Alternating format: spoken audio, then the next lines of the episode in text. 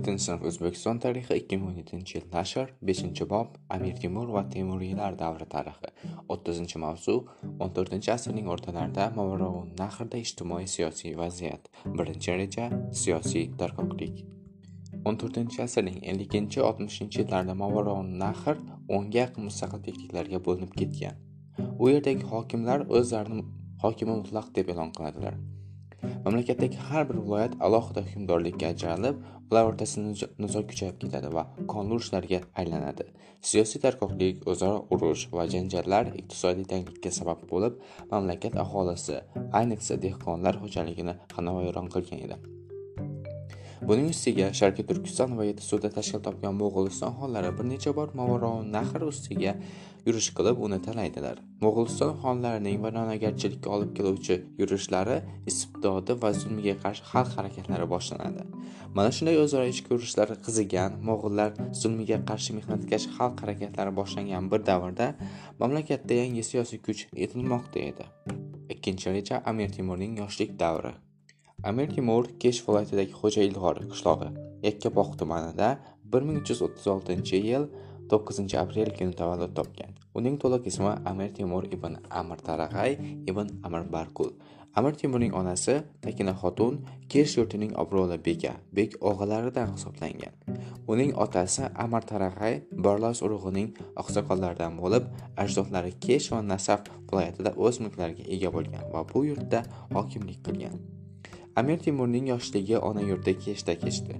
Amir taraqay o'g'lini yoshligidan asilzodalarga yarasha o'qitgan va har taraflama bilim bergan. Katta kichik bilan muomala ilmini ov qilish va harbiy ilmlarni o'rgatgan yosh temurni 7 yoshidayoq madrasaga o'qishga beradilar. U madrasaga kelganda alifbodan mukammal xabardor bo'lgan. 12 yoshidan boshlab bolalarga xos bo'lgan ermak o'yinlardan voz kechib, keyinchalik o'z tengqurlari bilan sipohiylikka oid o'yinlar bilan shug'ullanadi.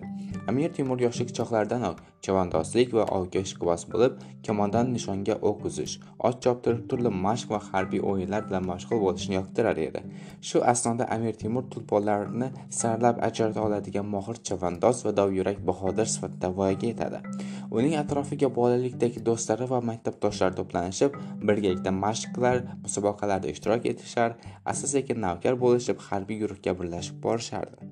Keyinchalik ular Amir Temurning safdoshlariga aylanib, uning qo'shinida lashkarboshchilik darajasigacha ko'tarilganlar. Shunday qilib, Amir Temur o'z zamonasining o'qimishli va o'quvli hukmdorlaridan bo'lib yetishadi. Tibbiyot, matematika, falakiyot, me'morchilik va tarix ilmidan ham yaxshigina xabardor bo'lgan. Amir Temur bilan yuzma-yuz o'tirib suhbatlashishga muyassar bo'lgan buyuk arab faylasufi Ibn Xaldunning ta'kidlashicha, Amir Temur turk, fors, arab xalqlarini tarixini chuqur o'rgangan, diniy, dunyoviy va falsafiy bilimlarni eng murakkab jihatlarigacha yaxshi o'zlashtira olgan zot ekan. O'zining ilk harbiy faoliyatini amir temur qo'l ostidagi navkarlari bilan ayrim viloyat amirlariga xizmat qilishdan boshlagan. Ularning o'zaro kurashlarda qatnashib jasorat ko'rsatgan va janglardan chiniqqan harbiy mahorat va oliy himmatlilik amir temurning shuhratini oshirib uning dong'i butun qashqadaryo vohasi xususan kesh viloyatiga yoyilgan. Amir temur chig'atoy xonlaridan qazog'onning nabirasi amir husaynning singlisi uljoy turgan og'aga uylanishi tufayli amir temur bilan balx hokimi amir husayn o'rtasida ittifoq yuzaga keladi. Uchinchi reja amir temurning siyosiy kurash maydoniga kirib kelishi.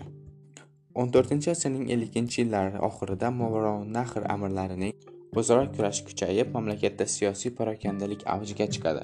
Mo'g'uliston xollari nahrdagi og'ir siyosiy vaziyatdan foydalanib bu o'lkada o'z hokimiyatini o'rnatishga harakat qiladilar. Mo'g'uliston xoni tug'luq temur bir ming uch yuz oltmish bir ming uch yuz oltmish birinchi yillarda nahrga birin ketin ikki marta bostirib kiradi nahr beklari birlasha olmay xalqni o'z holiga tashlab ketadilar. Amir temurning amakisi kesh viloyatining hukmdori amir hoji barlos xurrason tomonga qochadi. 24 yoshli Amir Temur esa boshqacha yo'l tutadi. Amir Temur o'z yurtini mo'g'ullar tajovuzidan himoya qilish uchun ko'p o'ylab, Tug'luq Temurning huzuriga borishga qat'iy ahd qildi.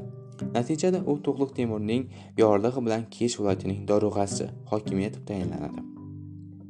Dorug'a mo'g'ulchadan nazoratchi, shahar boshlig'i degan ma'noni beradi. Mo'g'ullar davlatida mahalliy hokimlar huzuridagi ulug' xon vakili noibi dorug'a zimmasiga quyidagi vazifalar yuklatilgan. Aholini ro'yxatga olish mahalliy xalqdan qo'shin to'plash pochta aloqalarini yo'lga qo'yish soliqlar yig'ish to'plangan soliq to'lovlarini ulug' xon saroyiga yetkazish. Shu tariqa amir temur siyosiy kurash maydoniga kirib keldi. Keyinchalik o'zining bu xatti harakatini temurbek aholini mo'g'ullar tomonidan talon taroj etishdan himoya qilishning yagona yo'li. Puxta o'ylangan reja yuz ming kishilik qo'shindan kuchli deb izohlaydi. To'g'liq temur o'g'li ilyosxo'jani movarounnahirga hukmdor etib tayinlab mo'g'ulistonga qaytib ketadi. Ilyosxo'ja bilan amir temurning murosasi to'g'ri kelmaydi. Shu sabab u movarounnahrning nufuzli amirlaridan biri. Balx hukmdori amir husayn bilan ittifoq tuzib mo'g'illarga qarshi kurash olib boradi. bir ming uch yuz oltmish uchinchi yilda amudaryoning chap sohilida kunduz shahri yonida umumiy dushmasidan g'alaba qozonadilar. Keyingi ikki yil davomida ittifoqchilar ilyosxo'ja boshliq jt lashkarlari bilan bir necha marta jang qiladilar. Nihoyat bir ming uch yuz oltmish to'rtinchi yil oxirida ular mo'g'ullarni nahrdan quvib chiqaradilar. Biroq nahrni qo'ldan chiqarishni istamagan ilyos xo'ja bir ming uch yuz oltmish beshinchi yilning bahorida yana nahrga ustiga qo'shin tortadi. Ikki o'rtadagi jang bir ming uch yuz oltmish beshinchi yil yigirma ikkinchi may kuni toshkent bilan chinoz o'rtasidagi chirchiq daryosi bo'yida sodir bo'ladi. Tarixda u loy jangi nomi bilan shuhrat topadi. Chunki o'sha kuni kuchli jala quyib jang maydoni botqoqlikka aylangan. Hatto otlar loyga botib qolgan. Jangda amir temur qo'shini g'olibona harakat qilib dushman qo'shinining o'ng qanotiga qaqsatqich zarba berayotgan bir paytda husayn o'z askarlarini raqibning so'l qanotiga tashlamay jang maydonidan tark etadi. Amir temur chekinishga majbur bo'ladi.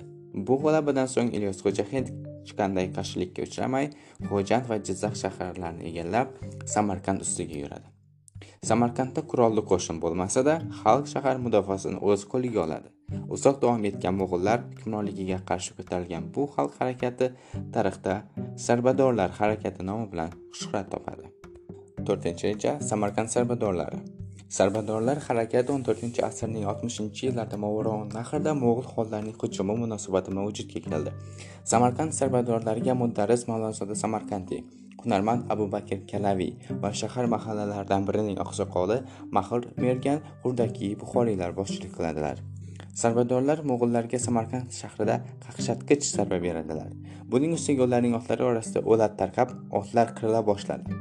Chorasiz qolgan ilyos xo'ja avval samarqandni so'ngra esa butun movaroun nahrni tashlab chiqib ketishga majbur bo'ladi. Sarbadorlar amaldorlar mol mulkini bir qismini musodara qilib kambag'allarga taqsimlab berganlar.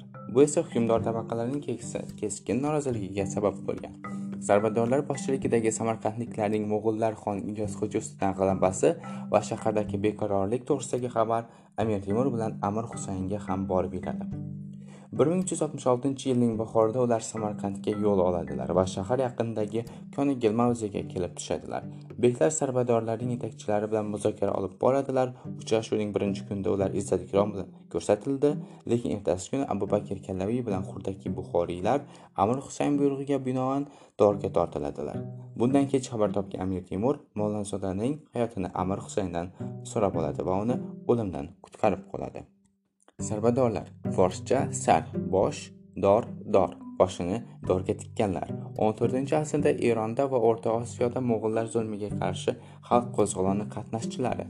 Qo'zg'olonda keng xalq ommasi ishtirok etgan sarbadorlar maqsadga erishish uchun ozodlik yo'lida dorga osilishga ham tayyormiz degan shior ostida kurash olib borganlar.